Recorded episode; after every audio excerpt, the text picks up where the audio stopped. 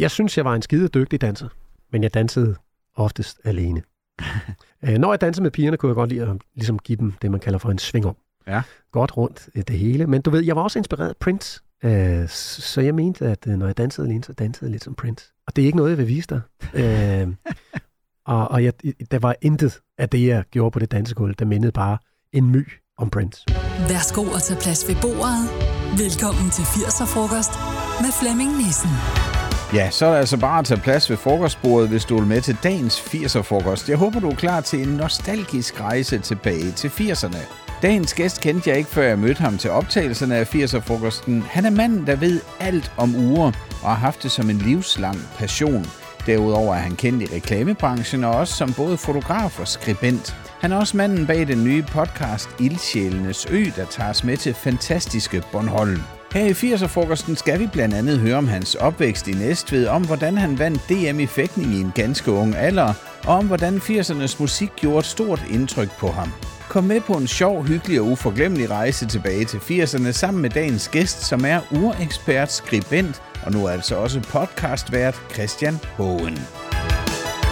Christian Hohen, hvis du skal sætte et enkelt ord eller en overskrift, kunne det være på 80'erne. Hvad skulle det så være for øh, en overskrift? Altså, hvad, hvad skal dine 80'er have for en overskrift? Jamen, jeg tror umiddelbart, fordi der, hvor jeg sådan mest husker 80'erne, udover at jeg var 11 år gammel, da jeg besøgte Bornholm første gang, øh, så var det min tid, øh, som øh, jeg var i lære på et reklamebureau i England, øh, hvor jeg flyttede til i 89. Ja. Øh, og det er sjovt, så jeg har sådan svært ved at huske perioden fra 81 til 89, men det var meget musikken. Ja. Det var meget dansk musik, øh, og da jeg kom til England, så var det meget Stock, Aitken and Waterman. Det var meget Kylie Minogue, det var meget Jason Donovan, det var Bros, Curious, Kill the Cat, Milli Vanilli, øh, alle de, de store navne, hvor jeg tror, Kylie Minogue er den eneste, der ligesom Ja. stadigvæk er, er, er, er ved bidet, ikke? Mm. Hun har lige udgivet et kæmpe hit igen, ikke? Jo, det har hun vist, ja. Ja. ja. Men, men det giver jo ikke en overskrift. Vi skal, nu, nu brainstormer du jo. Vi, Mhm. skal, vi skal have det kogt ned til en overskrift. Er det musikkens årti, eller hvor er vi henne? Nej, jeg, jeg har lyst til at sige hår. Hår? Ja. Ej, hvor det godt. øh, fordi det var jo også, det var altså MTV prægede os jo, jo meget i, i de år der. Ja. Øh, men jeg så MTV hos mine venner, fordi mine forældre havde ikke øh, fællesantenne. Øh, så det var så meget, du ved, når jeg besøgte venner i København, øh, og så se MTV, du ved, jeg rocker mig ikke ud af stolen. Jeg synes, det der, jeg kunne sidde der 24 timer i døgnet, ikke? der blev, øh, altså min bror havde en, en enorm samling af vinyler. Ja. Øh, og du ved, han var så meget specifik. Det var Haircut 100. Det er, sådan, meget de her niche engelske bands, som også prægede min, min ungdom, når, når hans enormt store anlæg øh, spillede de her tunes. Ikke? Og jeg selv havde noget, måske noget kassettebånd. Jeg kan huske, at jeg blev konfirmeret i 82. Øh, jeg var 12 år gammel. Og jeg fik et stereoanlæg med Dolby, øh, og jeg fik en vinyl med Michael Jackson. Ej ja, det var altså også fedt. Øh, og det har så været Thriller. Det har ikke været Off the Wall. Nej, det, Nej. det må have været Thriller. Det kunne det godt være i hvert fald, ja. Ja. Det skal så også sige, at jeg fik også et par gule benvarmere. ja. det kan noget. Det, de kunne noget. Ja, de kunne noget. Jeg synes, det var, det, jeg synes, det var smart. Det var min, øh, min øh, fosterbror, plejebror, øh, Nul hed han. Ja. Eller Nul, om du vil. Niels Ulrik Lorentzen. Han, han gav mig et par gule benvarmer. Han var, han var fremme. Ja. Altså, han var fremme i skoene, ikke? Og han, han vidste mere, end vi andre gjorde der i næste, skal jeg love for. Har du de der gule benvarmer endnu? Kunne måske godt lede efter dem, men jeg tror, jeg vil lede forgæves. Okay. Ja. Christian, det er jo en, en frokost, det her uden mad, øh, og det må jeg beklage, men øh, med masser af minder. Men for ligesom at holde illusionen, så har jeg jo bedt om at tage en ret med. Og jeg har hørt mange af de samme igennem den tid, jeg har lavet 80'er frokost. Den her, det er første gang. Prøv at fortælle, hvad det er, du, øh, du sagde til mig, vi skulle, vi skulle have. Jamen, jeg vil ikke sige krebinetter eller carbonade. Nej, nej. Øh, det hører ellers den tid til. Nej, jeg vil sige 5 o'clock tea. Ja, og så tænker jeg jo straks, er, er du englænder? Nej, men øh, min mor var meget, meget glad for alting engelsk. Og øh, vi var en stor familie. Jeg er ud af en familie med fire børn, Ja. plus to, øh, to plejebørn. En plejesøster og en plejebror. Og øh, jeg tror simpelthen, at det her med 5 o'clock tea, det var altid om søndagen. Ja. Og det var i virkeligheden bare Pollux madder, men lagt på engelsk porcelæn. Som, altså, fint anrettet med et fint navn. Ja. Men det var bare min mor, der gav sådan et fint engelsk udtryk for, jeg gider sgu ikke lave mad til jer i dag, unge, okay? Så I får 5 o'clock tea. Vi får 5 o'clock tea, ikke? Vi fik så ikke te. Nej, Øh, okay. Og man kan sige, sådan en 5 o'clock tea er jo normalt, du ved, med, med de her små øh, hvidbrøds øh, sandwiches og agurk ja. øh, og ost, ikke? Måske en scone og sådan noget. Ja, lige Ja, præcis. ja. Ikke sådan et tårn-agtigt. Du får det på The Ritz og Ja. øh, forskellige sådan lidt de her old school øh, hoteller i London stadigvæk, ikke? Var der lidt uh, hyacinth over, over din mor? Altså nu, jeg kender jo ikke din mor, vel? Men... Fandme sjovt, du siger det. ja, Altså, jeg vil sige, øh, min mor lytter højst sandsynligt til det her, og jeg vil sige, at min mor er nok en af de mest snobbede mennesker, jeg har mødt, og min far fuldstændig modsat. Men, Og- men skal jeg lige indskyde, vi kan godt lide dig, mor, stadigvæk. Jo, jo, no, altså, min mor øh, vil sikkert stadigvæk le, Okay. øh, fordi jeg tror, hun er træt af øh, at ligesom øh, modargumentere og sige, nej, det er jeg altså ikke, darling. det var godt. så så øh, nej, øh, det, det tror jeg, altså min, min, jeg kan huske, nu er jeg fra Næstved, Ja. og øh, der var både herregård og godser, øh, som øh, mine forældre frekventerede. Mm. Og min mor kom jo altid hjem øh, lidt og bedukket og har været ude og holde i hånd med en eller anden godsejer ude i haven, mens min far han bare har siddet inde i, i, i et stort gods og drukket whisky bare været irriteret over de her lavadelige, fine mennesker, ikke? og bare gerne vil hjem. Ja. Og det, det, det synes jeg egentlig, det illustrerer mine forældre øh, ret godt. Ja. Jeg synes, jeg kan fornemme, hvor det næste svar bærer hen af, men lad os se, fordi øh, var din familie meget traditionelle i madvalget? Altså nu siger du 5 o'clock tea, det her, Mm. jeg, jeg har ikke hørt andre, der har fået det i 80'erne i hvert fald. Var I meget traditionelle i det, I fik at spise derhjemme? Jamen, som jeg husker det, så var det frikadeller og hakkebøf og krebinetter og sådan Okay. noget. Ikke? Ja. Det var ikke særlig eksotisk. Altså den måde, som min kæreste og jeg spiser i dag, altså det er jo meget langt mere eksotisk. Der er jo langt flere lande, der er repræsenteret på bordet. Ikke? Ja. Der er et større mix. Øh, min mor købte jo ind på noget, der hed DFØ, Dansk fry, Fryseøkonomi. Og der kom sådan en stor trok, som jeg husker det, øh, en gang om måneden. Fordi man havde jo en stor kummefryse, der kunne rumme rigtig meget. Nå, ja. Så bestilte hun så, øh, det var postordre, ikke? så fyldte du så den der, du skulle have noget kylling, og du skulle have Så det var frost, man tog ting ud fra, fra fryseren der, og så tilberedte, ikke? Det har været rimelig nyt faktisk i 80'erne. Ja, det har det nok, men du skal huske på, Næstved er jo faktisk en skæg by, fordi dengang jeg boede der, boede der omkring 45.000 mennesker. Mm. Mm. Hvis du tænker på, hvad 45.000 mennesker er, så er det sådan meget middel Danmark. Ja. Og derfor var der mange ting, der blev testet af i Næstved. Øh, allerede da jeg var knægt, testede man sådan et betalingskort af, hvor du kunne betale, i, i hvis du skulle Ah, have vasket tøj, eller i ja. en bus, eller sådan et eller andet. Og det er jo fordi, hvis du er 45.000 mennesker, så er du rigtig god middelgrund af hele landet. Ja. Og derfor er der mange ting, der bliver testet. Nu tror jeg nu ikke, at DFØ var, var øh, lokal Næstved foretagende. Nej, nej. Det har nok været, været, været hele, hele landet rundt, ikke? ligesom Ja. ja. hjemme er i dag, Ja. som jo stadigvæk eksisterer. De kommer Det gør de. lige ude foran øh, vores haveløv om tirsdagen ja. kvart over otte. Ja, hos os kommer de lørdag, og jeg har instrueret min kone i, at hun skal huske at købe kæmpe læske. Ah, Det kan jeg godt lide. lidt levn fra 80'erne. Ja, det er det faktisk. Ja, dag. 80'er frokost. Jeg hedder Mogens. 80'erne, det har været skoleårene for os begge to, og jeg var ikke lige frem, vil jeg godt øh, tilstå her, et bogligt geni. Jeg var mere til de fag, hvor der måtte bruges fantasi, eller hvor man sådan kunne øh, sætte sig ind i andres liv, som for eksempel historie og sådan noget. Sådan noget som matematik og fysik, det var altså ikke fag, der var lavet til mig, vil jeg godt sige. Men det er jo gået alligevel. Hvordan var skolen for dig? Jeg øh, gik 10 år på øh, Lille Skole. Nej, hvad søren var den, den hed? Lille Næstved hed det. Folkeskolen. Det var ret, faktisk en ret stor skole. Jeg mener, der var 700-800 elever. Ja. Der gik jeg til 10. klasse, fordi jeg, øh, jeg var ikke moden til, til gymnasiet, da jeg var færdig med 9. vil jeg sige. Nej. Øh, matematik var ikke mit stærkeste overhovedet. Og igennem gymnasiet, det jeg fik gode karakterer i, det var dansk og historie. Ja, men det, det forklarer jo egentlig meget godt, hvad jeg laver i dag. Jeg holder Ja. foredrag, jeg skriver bøger. Historie interesserer mig stadigvæk kolossalt meget, og det ja. gjorde det altså både i folkeskolen og i gymnasiet. Og dansk, øh, jamen jeg kan huske, da jeg flyttede til London i 1989, øh, der bad jeg min gamle dansklærer om at sende mig en stil, jeg skulle skrive. Okay. Så jeg savnede simpelthen at, at skrive, og jeg var i lære som reklametegner. Så jeg skrev ikke så meget. Det var, det var andre ting i hånden, jeg skulle lave der. Ej, hvor sjovt. Men øh, det vil sige, at vi to kunne jo faktisk godt have været makkere, hvis jeg så lige havde været tre år ældre. Det kunne vi godt have været, ja. hvis du også var i reklamebranchen. Ja, nej, men jeg, jeg, var, jeg kunne godt lide at fotografere og sådan Ja. noget, så, så det smager da lidt af fugl. Jamen, jeg er rigtig glad for at fotografere i dag jo. Det kan du bare se. Det er jo mit primære erhverv i dag, og Ja. det er at leve af at tage billeder. Ja. Øh, som Okay. min far lærte mig. Okay. Så på den gode gamle måde, eller? Ja, ja, ud Ja. Og, og fremkalde film, ikke? En Ja. kasse øl, to kasser øl, tre. Og da jeg blev 18 år, øh, fik jeg mit første spejleflex. ja det kunne noget. Det kunne det Og det altså. kan det faktisk stadigvæk. Ja. Men, men det er blevet nemmere. Ja, altså nu ligger der jo en iPhone, øh, jeg kan ikke huske, hvilket nummer her ved siden af mig. Nej. Øh, Og jeg har det svært med at, at bruge den. Men samtidig skal man også anerkende, at det bedste kamera, det er det, du har ved hånden. Ja, det er det. Jeg skal lige høre, hvad var du for en type i skolen? Var du midtpunktet, eller var du den stille? Ej, altså hvis, hvis der kun er de to alternativer, så var jeg nok mere midtpunktet. I hvert fald i de første klassetrin. Ja. Øh, der, hvor der kom piger ind, der kom jo så også noget jalousi mellem drengene. Ja. Og det har været omkring 7. og 8. klasse, som jeg husker det. Ikke? Og det er der faktisk min yngste, han, er, han, han går i 8. klasse nu, ikke? og man Ja. kan godt se, at det er, nu skal man dufte godt, og det skal være Carhartt, og det skal være Stussy, og Supreme, og, og mærkerne ligesom gør deres indtog. Det der med at, at købe tøj fra hendes Morris, jeg du godt glemme alt om. Ja. Så der sker noget der i 8. klassetrin, nu og dengang. Ja. Så jeg vil sige, at det der med at ved- med et midtpunkt, det blev jo lynhurtigt pillet ned af pigerne, hvis de ikke var interesseret i dig. Ja. Du kan ikke være, eller tro, du er klassens populære dreng, hvis du ikke er populær. Nej. Øh, og det, det, det kunne jeg nok godt mærke i, uh, i de der senere år. Altså, jeg, jeg er måske sådan lidt halvsent udviklet, ikke? og begyndte nok først at vokse i ja, 8. klasse. Altså, jeg har et billede af, hvor jeg er 12 år gammel, og var en lille lort, da jeg blev øh, konfirmeret. Jeg kan se min egen søn. Han er så ganske vist 15, øh, når han bliver konfirmeret. Ikke? Ja. Ej, han, han er 14 stadigvæk, men, men du ved, han er en ordentlig klæber, ikke? Ja.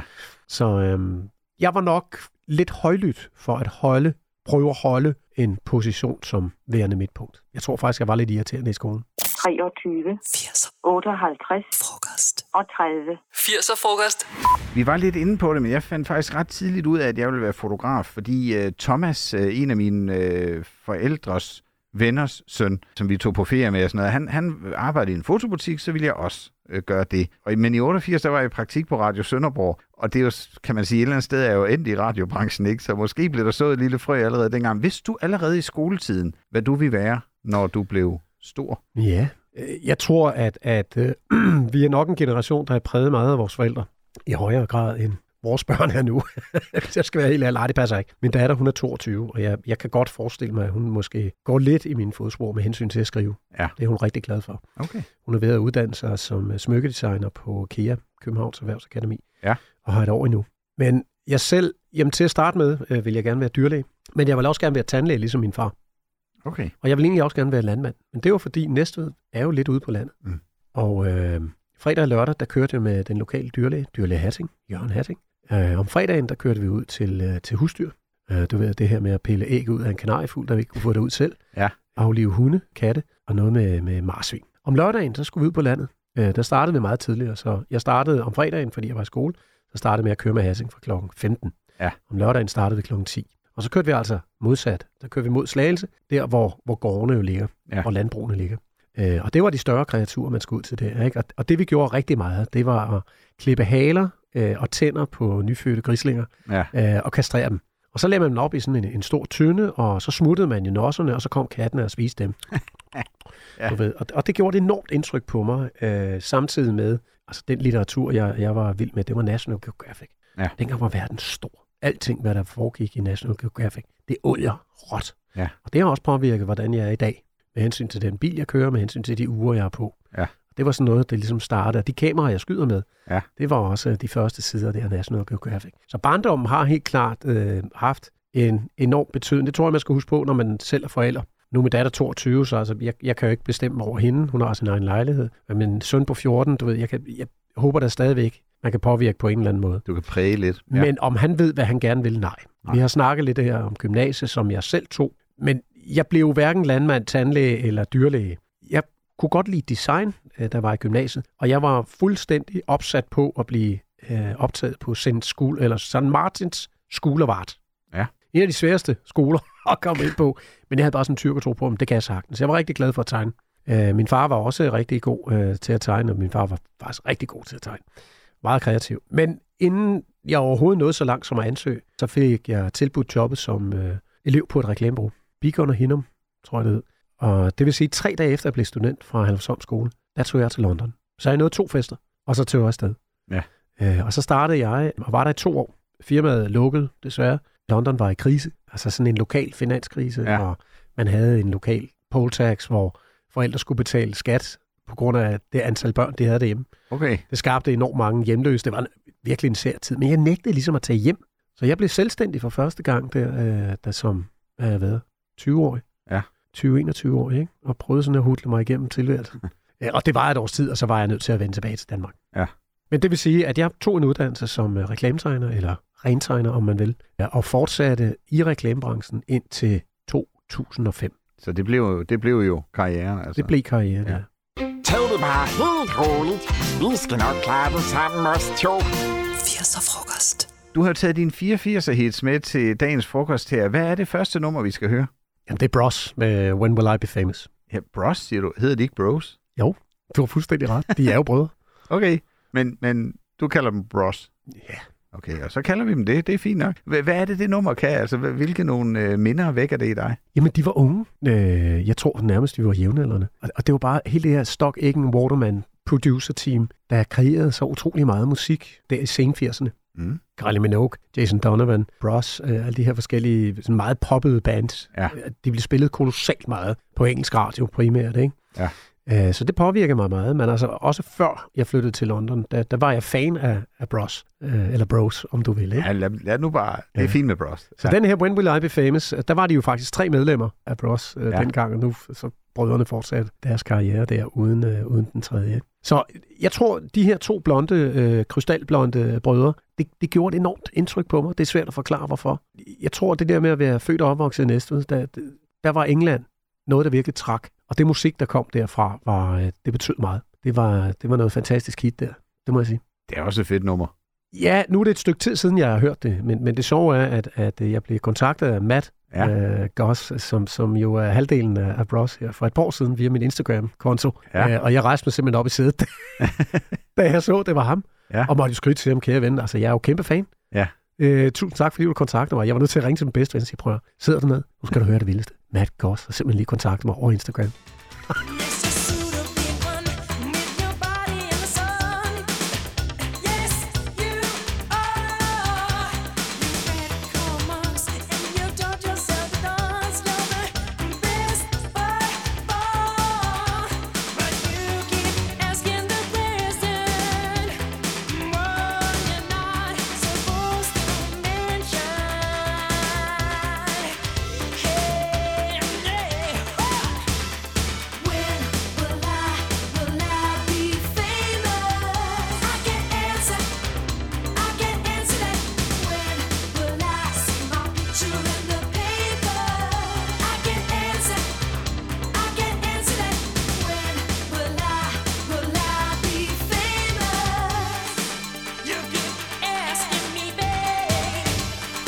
Når vi besøgte øh, Johanne og Fritz i Vinderup, der ligger ved Struer, så var det altid sådan ekstra spændende, fordi de havde en videomaskine. Øh, så sad vi og så de der gamle danske film, Soldaterkammerater og Piger i trøjen og masser af Dirk Passer-film, ikke? Så i video hjemme hos dig. Ja, ja, jeg arbejder i en videobutik. Er det rigtigt? Ja, ja. Ej, hvor cool. Ja, ja. Så du kunne se det hele? Ja, ja. Hvad Der var med- både Beta og System 2000 og VHS. Ja, det var dengang, det var delt op Ja, ja. endnu, inden, øh, inden man besluttede sig for, at det skulle være ved. Og det var jo i virkeligheden ikke det bedste, vel, VHS? Var det ikke noget Nej. med Betamax var faktisk bedre? Betamax var langt bedre kvalitet. Øh, Video 2000 kunne, kunne du vende om, ligesom et kassettebånd, ikke? Ja. Men VHS'en, den, jeg tror, den vandt indpas, fordi pludselig kunne du få en, en moviebox. Ja. Jeg tog hjem fra videobutikken med en moviebox og tre film under armen, og den ene var højst sandsynligt porno.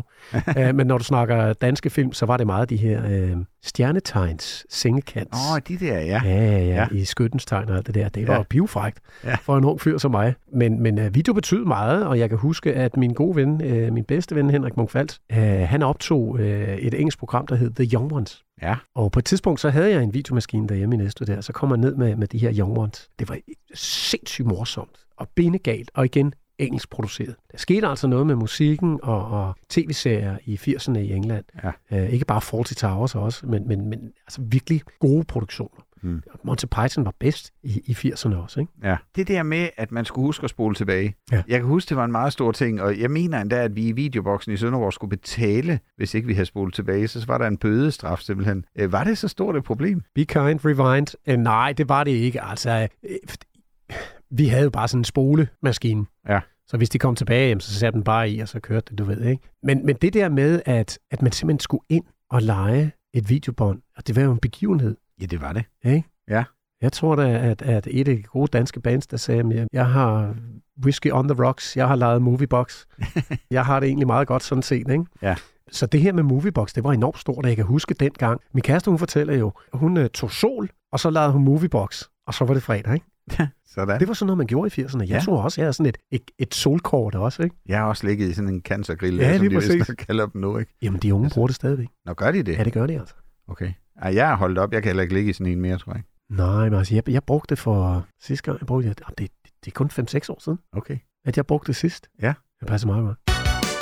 80'er frokost jeg lærte ret tidligt, at penge de ikke bare kom dumpen af sig selv. Mine forældre var selvstændige, havde eget bageri, så der hjalp jeg både om natten med at bage, og også med at skære rugbrød og alt muligt andet, som vi dengang ikke synes var super fedt. Men i dag kan jeg godt se, at det gav mig alligevel et eller andet. Havde du et fritidsjob? Altså, du sagde, du kørte med dyrlægen. Var det noget, du fik penge for? Nej, det var det ikke. Det var simpelthen mine forældre. Altså alle mine søskende, undtagen min søster, kørte med dyrlæge Hatting, og jeg tror, det var mine forældres måde at holde os ude for ungdomskriminalitet. Ah, okay.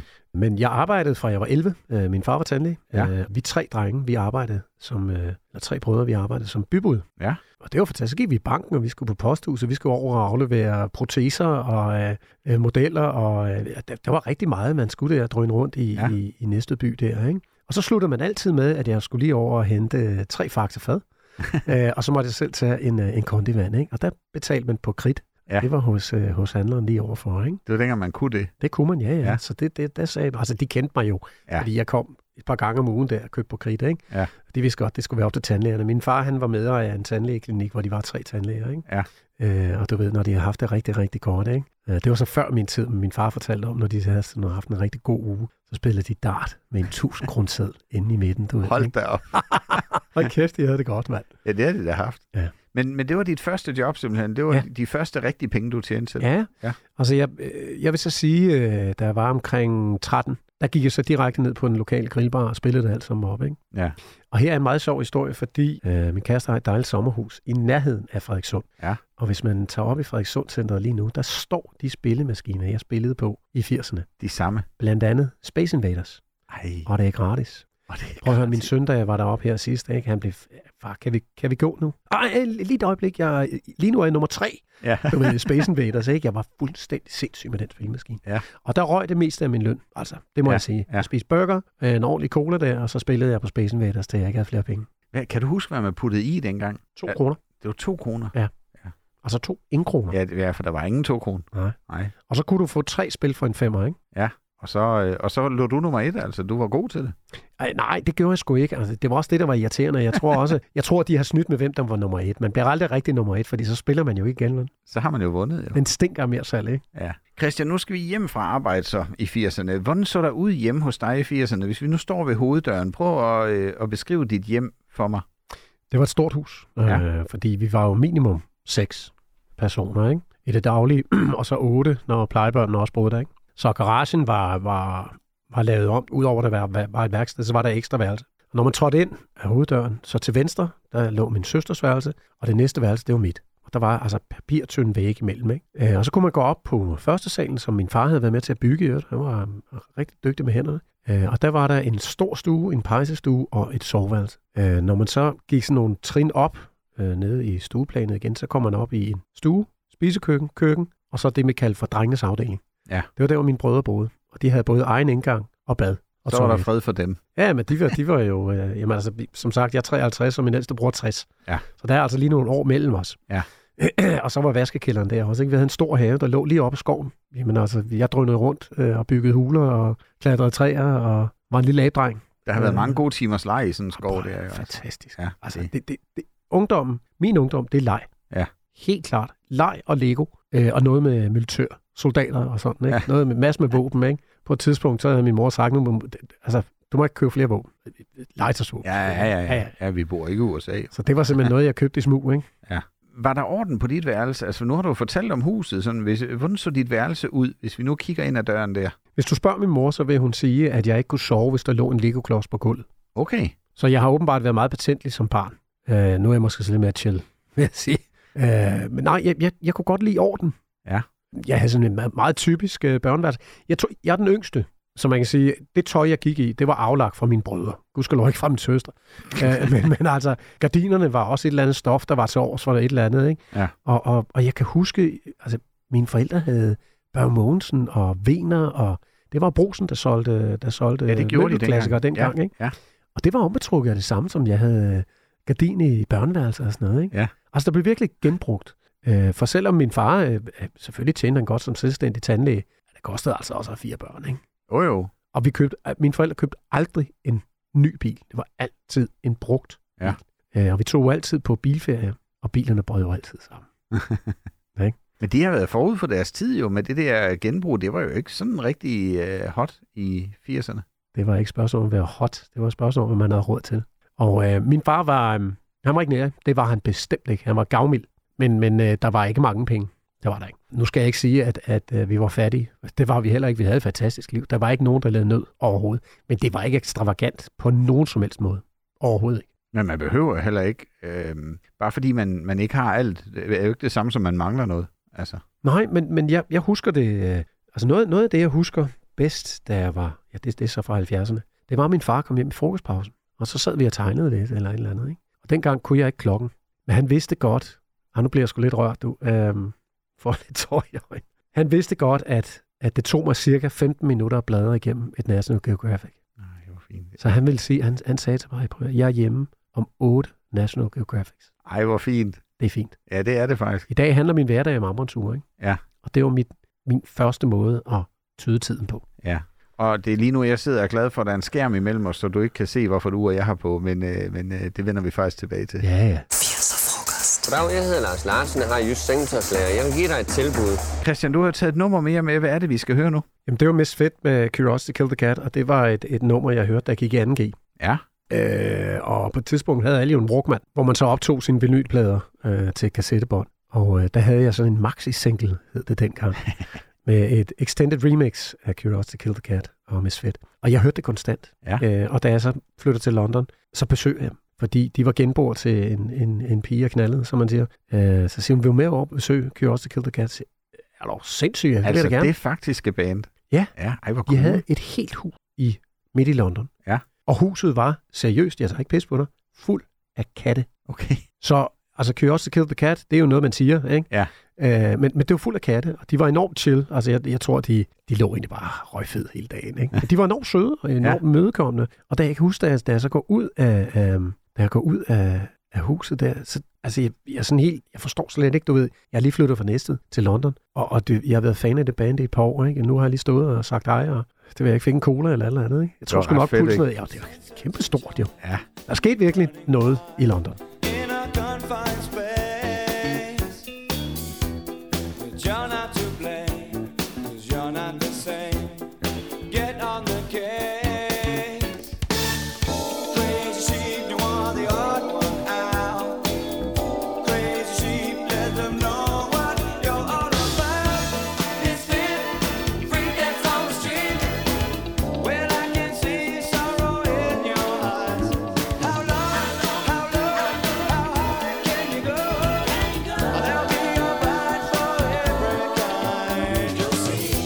jeg havde fri fra skole, så, øh, så elskede jeg at cykle rundt øh, ved skoven og i stranden i Sønderborg. Øh, skoven den lå sådan et par hundrede meter hen ad gaden fra bageriet, ikke? Og, og det var en...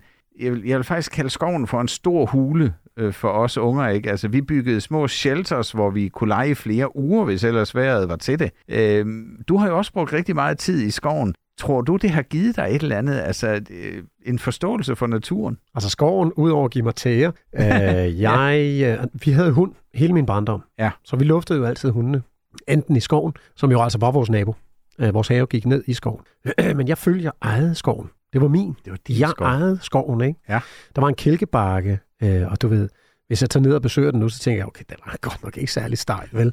Men det var altså i, i min barndom enormt stejl. Ja. Øh, og jeg følte jo, at, at øh, nu, nu, jeg cyklede også igennem skoven, når jeg skulle i skole. Da jeg startede gymnasiet på Alfsom skole, der cyklede jeg jo derned, ikke? Ja. Og det er jo den der typiske, øh, du ved, hvis du bor tæt på skolen, så kommer du altid for sent. Ja, Ikke? ja sådan er det. Fordi man stod jo altid en halv time senere op end alle mulige andre. Ikke? Men vi, i min barndom synes jeg, at vi havde tæt til alt. Fordi det var jo bare en cykeltur derfra. Ja. Og så på et tidspunkt, da jeg, var, da jeg gik i gymnasiet faktisk, udover at jeg arbejdede i videobutikken, så arbejdede jeg i et pandekagehus ude i Carbeksminde. Øh, og jeg elskede det job. Og der var cirka 10,5 km fra barndomshjemmet ud til pandekagehuset. Og det gjorde på rulleskøjter. Og det var Wow. altså, det var fedt. Det var kæmpe fedt. Ja. Så det er det, jeg husker meget fra min barndom. Det er det der med transport. Jeg tror aldrig bussen. Det var altid cykel eller rulleskøjter. Ja. Eller hvis det var en kort tur, så var det skateboard, ikke? Det har nok været meget godt, tænker jeg, hvis du arbejder i et pandekagehus. Du må have spist mange pandekager, eller bliver man træt af det? Nej, det gjorde jeg sgu ikke. Det var sådan nogle madpandekager. Du kunne Ah, også ja. godt få det der med Nutella og bananer og ja. vaniljeis, ikke? Men, men jeg spiste altid de der madpandekager. Ja. Men det skal også lige sige, at, at den hørte til en restaurant. Så jeg fik jo P-mad leveret og fra restauranten. Ah, okay, ja. PMAD skal lige sidst til lytter, det jeg står for personale med. Ja. Øh, og øh, så, så det fik jeg, og hvis, hvis jeg ikke blev med af det, jamen, så lavede jeg en madpandekage og tog under armen, når jeg skulle på rulleskøjten og hjem med mørket og, og Walkmanen Ja. med Curiosity Kill the Cat, ikke? Det her er 80'er frokost. Christian, på det her tidspunkt i vores frokost, øh, der skal vi på tidsrejse, og du må bestemme årstallet i 80'erne, hvor vi skal mødes med dit yngre jeg. Og hvilket år er det, du har valgt? 1982. Og det kommer bare som skidt fra en spædekald, som mine onkler vil sige. Men hvad er der lige, der sker i 82? Der bliver Danmarksmester i fægtning Sådan. på Bornholm. På Bornholm? Ja. Ja. Det var, jeg fik det i mange år, og øhm, det foregik på Halsholm skole, og det var en major, major Engsby, der trænede os. Og han kunne øh, fægte både med højre og venstre hånd, så vi fik det, man kalder for en dobbelt lektion. Okay. Jeg blev øh, Danmarksmester i fleuret, som er, kan man sige, begynder våbnet, når du fægter. Der er fleuret, kåre og sabel. Ja. Fleuret er et stikvåben, det er kåre også, og sabel er både stik og slå våben i fægtning. Ikke? Ja. Og det var ikke, fordi jeg var ambitiøs, så Mons Søren bliver Danmarksmester i fægtning. Det, det, det forekommer mig stadigvæk helt vildt fantastisk, og min øh, første præmie hænger op hos min søn, og han er fuldstændig glad. Ikke? Fuldstændig glad. Og før det, du ved, der blev jeg nummer tre i skandinaviske mesterskaber, så jeg klarede mig faktisk rigtig godt i fægtning. Ja. Og det irriterer mig, at jeg stoppede. Jeg vil egentlig godt den dag i dag have fægtet. Og jeg ved, min kæreste siger også, det må prøve at skal. Skal vi ikke begynde at fægte sammen? Vi bor i Charlottenlund. Og Hellerup Fægteklub er altså stadigvæk en af landets bedste fægteklubber. Så lur mig, om øh, vi ikke på et eller andet tidspunkt begynder at fægte fleuret mod hinanden. Så kan I krydse klinger. Så krydser vi klinger, ja. Øhm, hvad vil du, hvis du nu kunne sige noget til, til den her unge fyr, der lige er blevet øh, Danmarksmester i, i fægtning, Ja. øh, hvad vil du sige til ham? I- Jamen altså, det, det jeg godt kan huske, det var, at da jeg begyndte at vinde de her, eller i hvert fald var i top 3 i de her forskellige uh, turneringer, uh, der tog klubben mig mere seriøst. Og så lægger de et pres på en. Det Ja. tror jeg ikke, man er, man er klar til, når man er så ung. Uh, fordi vi ved jo godt, at sportsfolk, det er ikke musklerne, det er psyken. Ja. Uh, og jeg var interesseret i alt muligt andet end, uh, end, uh, end fægtningen. Ikke? Ja. Uh, pigerne begyndte at blive mere og mere interessante. Ikke? Og, Ja, det gør de, det det gør de altså. Ja, ja, ja. Ja. Ej, var de høje dengang. Man fik brysterne lige i hovedet, øh, fordi de var så høje. Og, og, øh, men, men, men fægtningen, øh, jeg, jeg tror, jeg blev lidt frastødt af, hvor meget de krævede af mig. Mm. Hvilket i, i altså, når man sådan kigger godt tilbage til 80'erne, jamen jeg skulle da bare taget imod. Ja. De investerede jo i mig. Det var ikke for at irritere mig.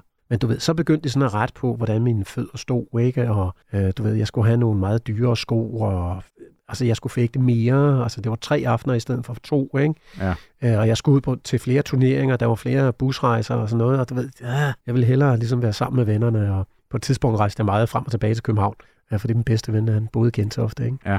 Og det var altså det, det, var det liv, der trak. Så rådet til den unge, det må være, at du skal blive ved? Nej, Nå. det er ikke mit råd. Øh, man skal vælge selv, fordi der er ikke nogen garanti for, at du kan blive ved med at være, være nummer et. Øh, og det, jeg tror, det er lidt den her med, at det kan desværre ende i en skuffelse. Jeg pusher ikke mine børn til noget som helst. De må gøre præcis, som de vil. Hvis de ender med at blive dygtige til noget af det, så er det deres eget valg. Det er ikke mig, der har tvunget dem til noget som helst. Øh, og mine forældre tvang mig ikke til noget som helst. De var bare stolte, hvis det gik godt. Men de havde altså også så mange børn. De glemte mig måske lidt en gang imellem. Hvis vi nu vender os om, øh, vi er stadigvæk i 80'erne, og vi er hos, altså i 82, ikke? og hvis vi så vender os om, ville den dreng, der lige har vundet i fægtning, hvad vil han synes om den mand, der sidder over for mig nu? Det er et godt spørgsmål. Øh, først og fremmest vil jeg tro, at 12-årig mig vil synes, jeg er meget gammel. Øh, gråhåret, gråskægget, høje tændinger. Jamen altså, nu kigger jeg lidt på og tænker på, hvordan Søren ser min søn på mig. Ikke? Altså, ja. nu, nu har vi lige været i London sammen, min søn og jeg. Ikke? Der drønede han jo rundt på egen hånd. Øh, fordi det, jeg, jeg stoler 100% på ham. Stolede jeg på mine forældre? Det ved jeg ikke, om jeg gjorde. Jeg kan godt lide det her med, at jeg havde fri adgang til min fars klinik. Mm. Om lørdagen spiste ude på det hospital, min mor arbejdede på. Men jeg synes også, at mine forældre var meget gamle. Altså allerede dengang, ikke? hvor jeg var 12 år gammel. Øhm, hvor mine forældre højst sandsynligt har været lige omkring min alder. Ikke?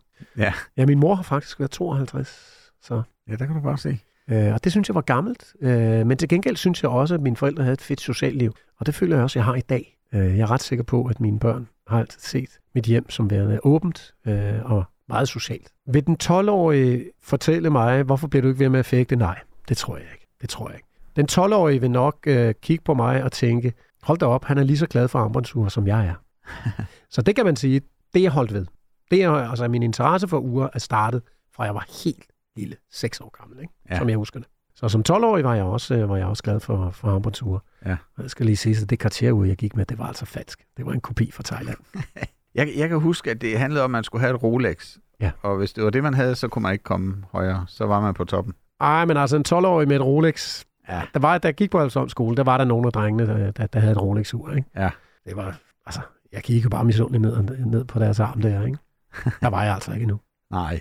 Altså, jeg kan huske, det er så noget helt andet. Jeg kan huske, at jeg var vild med at komme på besøg øh, hos vores familie rundt omkring i landet, især hos mine onkler, der var bønder. Øh, fordi det var en helt anden verden for mig, altså det der øh, rene bageri og sådan noget. Ikke? Men når jeg sådan sjældent gang kom til København, så var det for alvor noget helt andet. Altså masser af travle mennesker og biler overalt, og i det hele taget en helt anden stemning. Og du er jo født herover, øh, kan man sige, og nu tillader jeg mig at være rigtig jysk og sige herover, fordi når man kører over Storbælt, så er man ligesom i København på en eller anden måde. Ikke? Og det er jo et levn for dengang, der var færger. Ikke? Havde du familie, du besøgt andre steder i Danmark, altså inden, inden lige Sjælland eller København? Nej, men vi, vi kom i København for at købe sko og tøj, før min mor begyndte at købe på postorder fra Dals Varehus. Ja.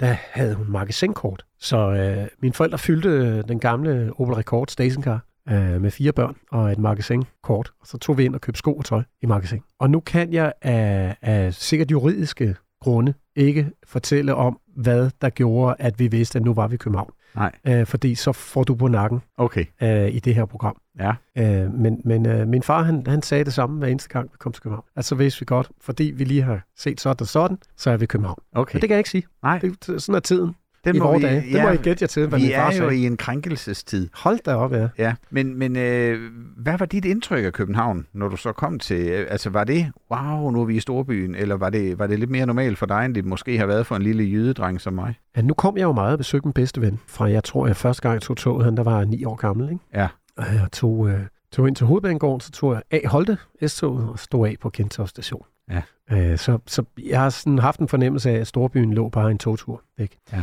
Øh, og vi kom jo meget ind i byen. Det her med at gå på strøget, eller vi kom meget i Lyngby Storcenter. Øh, vi hang utrolig meget ud i Lyngby Storcenter. Jeg elskede det. Det var for mig øh, en, en, en stor by med tag på. Ikke? Ja. Men København har aldrig overrumplet mig. Det er ikke sådan, så jeg følte, at, at vi kom til en helt anden tid, øh, eller en anden mad. Vi havde ikke rigtig... Jo, vi havde noget familie i Virum, men det var også et grønt område, og jeg er jo selv fra et grønt område. Ja. Men i det, altså mine forældre var rigtig glade for at rejse også, ikke? Så, så verden har, har alligevel været åben øh, på et tidligt tidspunkt for mig. Så København var ikke et kulturschok på nogen måde, eller for stor.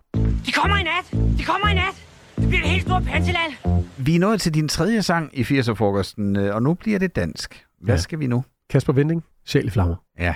Og jeg tænker med det samme en gang strømmer, vil jeg godt lige sige. Jamen det gør jeg jo så ikke. Det gør du ikke. Jeg tænker Kasper Vinding. Ja. For mig er Kasper Vinding en af de største danskere nogensinde.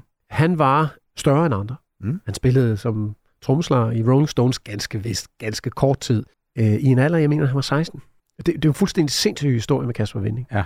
Og jeg ser ham stadigvæk. Jeg sad bag ham i, i flyverne fra, fra Paris, og jeg mødte ham i Paris også. Og jeg interviewede ham til børsen, Ja. øh, hvor jeg skrev for børsen en gang. Men jeg endte med at øh, ikke kunne færdiggøre ham, fordi han var simpelthen så introvert. Og, og jeg kunne ikke rigtig få, få rigtig meget ud af ham, medmindre vi snakkede musik. Nej. Men øh, så på et tidspunkt, det var så øh, for nogle år siden, så fik han simpelthen så mange slag for en koncert, han havde afholdt i Danmark. Min kæreste og jeg, vi, besluttede os for at gå ind og se ham i, i glassalen i Tivoli. Og det var simpelthen genialt, og man kan bare mærke, at publikum, de var så overmotiveret på at se øh, Kasper Vending stå der på scenen. Han, altså, han og hans, hans band var fuldstændig overrumplet over begejstringen i salen. Ikke? Ja. Nu skulle folket kraftedeme nok vise, hvor meget de elskede Kasper Vending, og ikke de her forpulede musikanmeldere. Ja. Kasper Vinding har altid haft øh, et meget internationalt præg på sin musik. Og det her med, at han bor i, i Paris, jamen, jeg tror sgu, at sjæl i flammer, det betaler hans husleje. Selv lugten af en isblomst i dit sind. Selv flammer. Svindler med dit liv. Selv i flammer. Spinder frygt i sit net. Du skriger i dine drømme. Men natten den er død. Selv i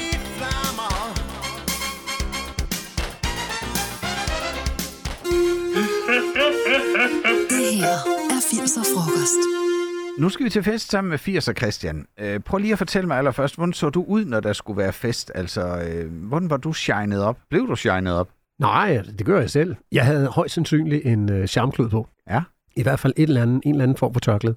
Uh, min far gik med charmklæde, altid med sådan en silketørklæde, ja. Når han ikke havde sin kittel på som tandlæge. Uh, og det tror jeg egentlig bare sådan, det, det, det arvede jeg. Det smittede af. Det, det modestykke der, ikke? Ja. Og stadigvæk noget, jeg, jeg benytter mig meget af. Måske ikke typisk et silketørklæde, men i hvert fald sådan et, ja, dengang i 80'erne kaldte man for et Nørgaard-tørklæde. Så vil du godt være snakke om. Nej, det gør jeg faktisk ikke. Det var satans Flemming. Et nørgaard Ja, men det er jo sådan et, et paisley-mønstret uh, bomuldstørklæde i grønt, rødt, gult. Ja. Det binder man lige rundt om, uh, rundt om uh, halsen der, ikke? Og så lidt ned i skjorten eller i t-shirten, om du vil, ikke? Jamen, jeg kan godt huske det, men jeg vidste ikke, det hed Nørgaard tørklæde. Jo, jeg tror faktisk, det var Nørgaard på strøget, der introducerede de tørklæder. Og de har dem Ah, stadig. Det har der garanteret været, ja. Ja. Men så skal jeg høre, når vi nu kommer ind til festen, er du festens midtpunkt, eller, øh, eller hvordan, hvordan gebærder du dig til en fest? Jamen, Altså i øh, 80'erne? Jeg synes, jeg var en skide dygtig danser, men jeg dansede oftest alene. øh, når jeg dansede med pigerne, kunne jeg godt lide at ligesom give dem det, man kalder for en sving om. Ja.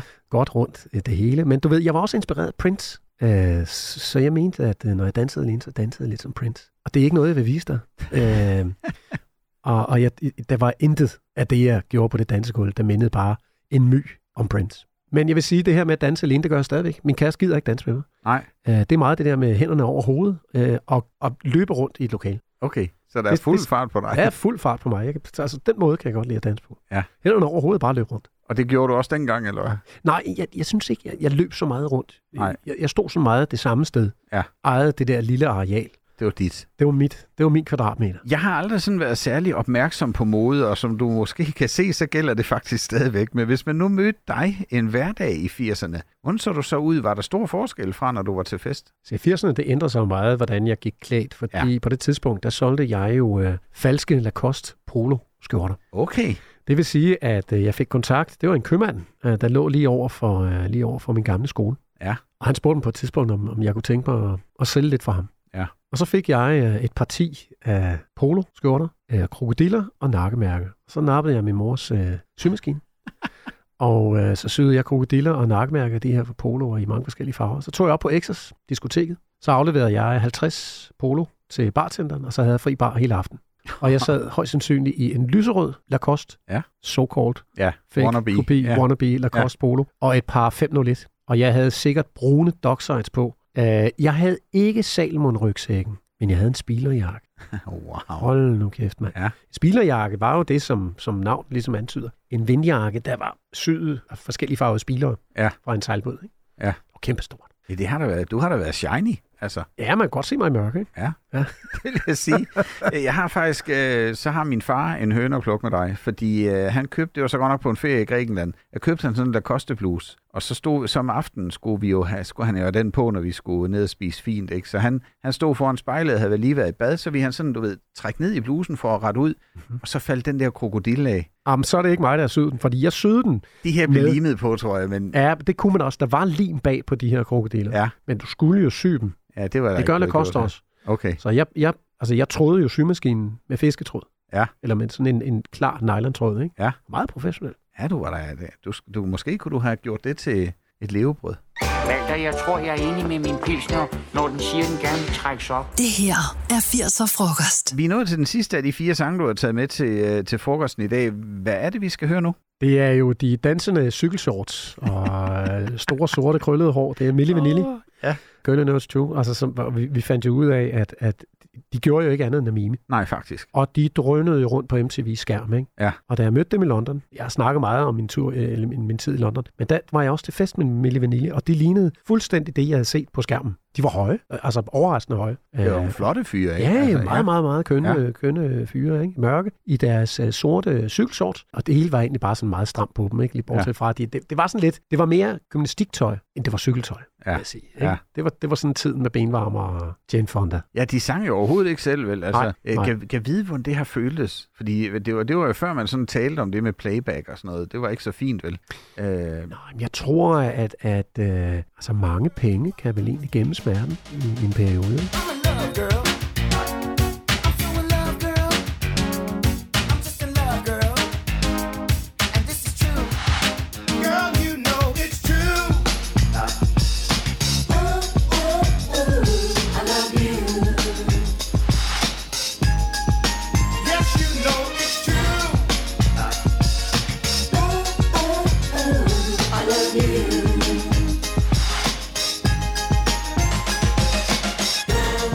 Christian, jeg vandt engang et ur i et Anders Sandblad. Øh, og jeg var vild med det ur, og jeg gik med det i rigtig lang tid. Det var digitalt, Mm. øh, og man kunne tage tid og alt muligt, og der var knapper, man kunne trykke på, som jeg aldrig fandt ud af, hvad var til. Du er jo kendt for at være vild med ur, vi har også været inde på det. Øh, hvordan er den lyst opstået hos dig? Kan du huske det? Ja, det kan jeg. Det er igen, vi skal tilbage til min fars enorme samling. Undskyld, af National Geographic-magasiner, fordi igennem 70'erne og 80'erne, der var de første sider fulde af annoncer for armbåndsure. Ja. Og mange af de armbåndsure kunne jeg se om armen af de bjergbestiger, de dykkere, de explorers, videnskabsmænd, der var inde i magasinet. Uret blev dermed et hero product, om du vil, Ja. for mig. Ja. Så de mænd, det var typisk mænd dengang, der udforskede verden, de havde et armbåndsur på. Det var ganske ofte et Rolex. Men det første ur, jeg lagde mærke til, det var 1976. Det var et uh, Patek Philippe Nautilus. Det var ikke så meget uret, men det var mere, fordi der var en kåre foran uret. Når man er 6 år gammel, det var Ja. i 1976, øh, så vil man gerne være politimand, eller soldat, eller ridder. Mm. Og det der med en kåre, det var helt fantastisk. Men jo flere National Geographic så, så nåede igennem, desto mere kiggede jeg på uret, fordi det lignede ikke et Omega eller et Rolex. Nej. Og et Seiko i øvrigt kom jo så også i 80'erne der, ikke? Patek Philippe Nautilus, det, det lignede noget helt andet. Øh, så det har altid ligesom fulgt mig som det første ur, der, der kickstartede min interesse for armbåndsur. det. Nu siger du de navne, og så slår det mig lige, at, at mit Anders Sand-ur, det, det var et Casio. Ja, Jeg siger det bare, fordi det var altså the shit, hvis du ikke vidste det. det er stadigvæk the shit. Det er Casio G-Shock er jo nogle af de mest fantastiske ure, der findes. Jamen, jeg tror, de er kommet... Det er nok en anden slags, end det, jeg vandt i Anders Sand alligevel. Men hvad er det, ure kan for dig? Altså, øh, fordi mit, det har jeg sådan set mest på for vanen. Jeg kigger jo på telefonen, og jeg skal se, hvad klokken er. Ikke? Så nogle gange Ja. opdager jeg, at det er gået i stå, så skal nye batterier i. Men, Ja. men, men hvad er det, ure kan? Jamen, jo ældre jeg bliver, desto mere går det op for mig, at det mekaniske ur jo også er en protest mod det meget automatiserede samfund, vi lever i. Jeg kan jo via en app på min mobil finde ud af, hvad jeg mangler med køleskab. Ja, okay. Hold Altså. Ja. alt det der, det er lige før, at vi ikke behøver at leve mere end, end fire dage om ugen, fordi mobilen gør resten for os. Ikke? Ja. Uh, vi kan sagtens være dogne, uh, fordi mobilen giver os al den information og gør os mange gerninger. Ikke? Mm. AI har gjort deres indtog. Jeg lever stadigvæk til dels af at skrive en del artikler. Nu kører jeg dem gennem ChatGPT. Ja. Et program, som min søn uh, introducerede til mig for et par år siden. Ikke? Uh, fordi jeg måske også synes, at nu har jeg skrevet i så mange år, så jeg føler måske meget, at jeg gentager mig selv. Ja. Så det der med at bruge en ChatGPT, det ryster posen meget fornuftigt. Ja. Men det er igen også et meget automatiseret samfund. Armbåndsuret, jeg kigger på nu, i dag, det er et A lange søne, uh, og det kan vise tiden i to forskellige zoner. Der er også knapper på. Øh, den ene stiller datoen, den anden den stiller tiden i den sekundære tidszone. Det er mekanik. Det er et værk, der består af over 400 dele, der er samlet, skilt ad og samlet igen i Tyskland. Ja, det er vildt. Mit har otte dele, som jeg lige kan se her foran på. Men... Er det ikke Georg Jensen, du er på? Jo, øj, det var godt spottet. Jo, Ja, ja, ja. jo, jo. Det er det, jeg har fået i gave engang. Jamen, ved du hvad, jeg gav også min far et Georg Jensen øh, kronograf, fuldstændig kobbel. Det er et Henning Kobbel, øh, du har der. Det gav jeg ham, da min far var blevet opereret for cancer, Okay. fordi han på et tidspunkt havde fået stjålet sit Rolex. Mine forældre var i Rom, Ja. øh, og der var nogle narkomaner, der var brudt ind i huset. Og der havde de stjålet min fars Rolex og min mors smykker. Nogle af smykkerne fandt de i øvrigt i øh, den naboliggende skov. Nå. Øh, men min øh, fars Rolex-ur, øh, som vi havde givet ham i 40 års fødselsdagsgave, nej, 50 års fødselsdagsgave, blev aldrig fundet. Nå.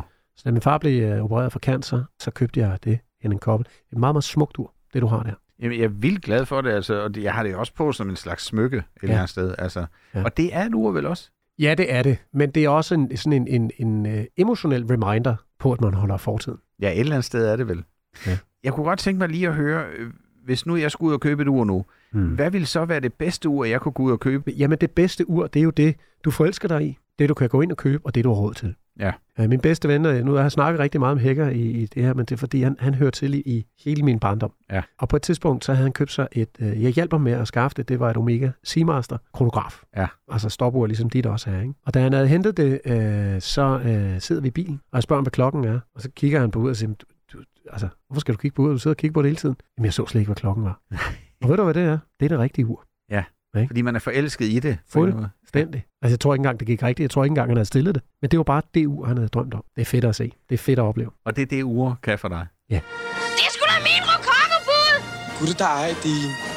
Lige nu er det hulens. Christian Hohen, du er kendt for mange ting, og snart også for en uh, helt ny podcast om Bornholm. Uh, men jeg må lige sige uh, til dig, at lige nu, her hvor vi to sidder sammen, der piker du faktisk. Uh, det bliver ikke større. Jeg kan med glæde sige, at du for alvor er optaget i 80'er-frokostklubben. Hvordan føles det på den måde at nå toppen? Jamen altså, udover at jeg sidder på 16. etage af Kodanbygningen med en kolossal, fantastisk udsigt ud over Gråt København. Jamen, jeg vidste ikke, at jeg havde pigget.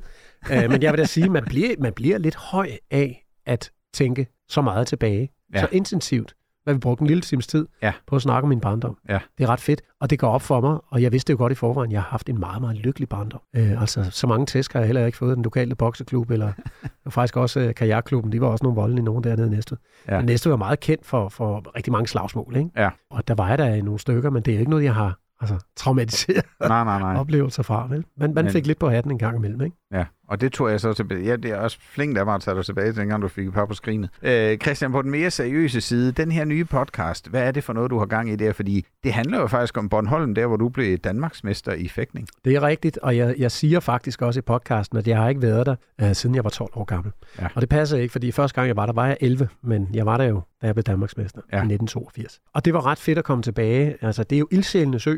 Øh, det erfarede vi, at, at selvom vi selvfølgelig kommer med et manuskript, så oplever vi nogle mennesker, vi ikke havde forventet at opleve. Den ø, Solskinsøen, kan noget helt fantastisk. De personligheder, vi, vi mødte, der havde vi ligesom, øh, vi havde jo læst på lektien, vidste godt, hvad de lavede. Men dem, vi mødte tilfældigt, jamen så møder vi en kvinde, der, der ejer en modebutik, men hun ejer altså også to hoteller øh, i Gudhjem. Ham, der, der laver vin, jamen han er altså også uddannet svinefarmer. Altså jeg tror, at størrelsen på øen gør, at dine tanker bliver større, øh, og du tager dig tiden og muligheden for at udforske dig selv noget mere. Ja. Der var så meget ildsjæl, der var så meget entreprenørånd på Bornholm. Det var virkelig, virkelig spændende. Og en af mine rigtig gode venner er flyttet derover, eller han er ikke flyttet derover, men han har købt sit sommerhus nummer to på Bornholm, og er helt vild med den ø. Ikke? Ja. Og han og hans kone overvejer jo at flytte derover permanent. Ikke? Så der, der, må, der må være et eller andet. Ikke? Vi mødte den her fantastiske tøjforretning, der hedder Achtung, som var jo altså sådan en forretning, i, den ligger i Nexø. Den hørte jo virkeligheden til i Paris eller London eller New York for den sags skyld. Mm.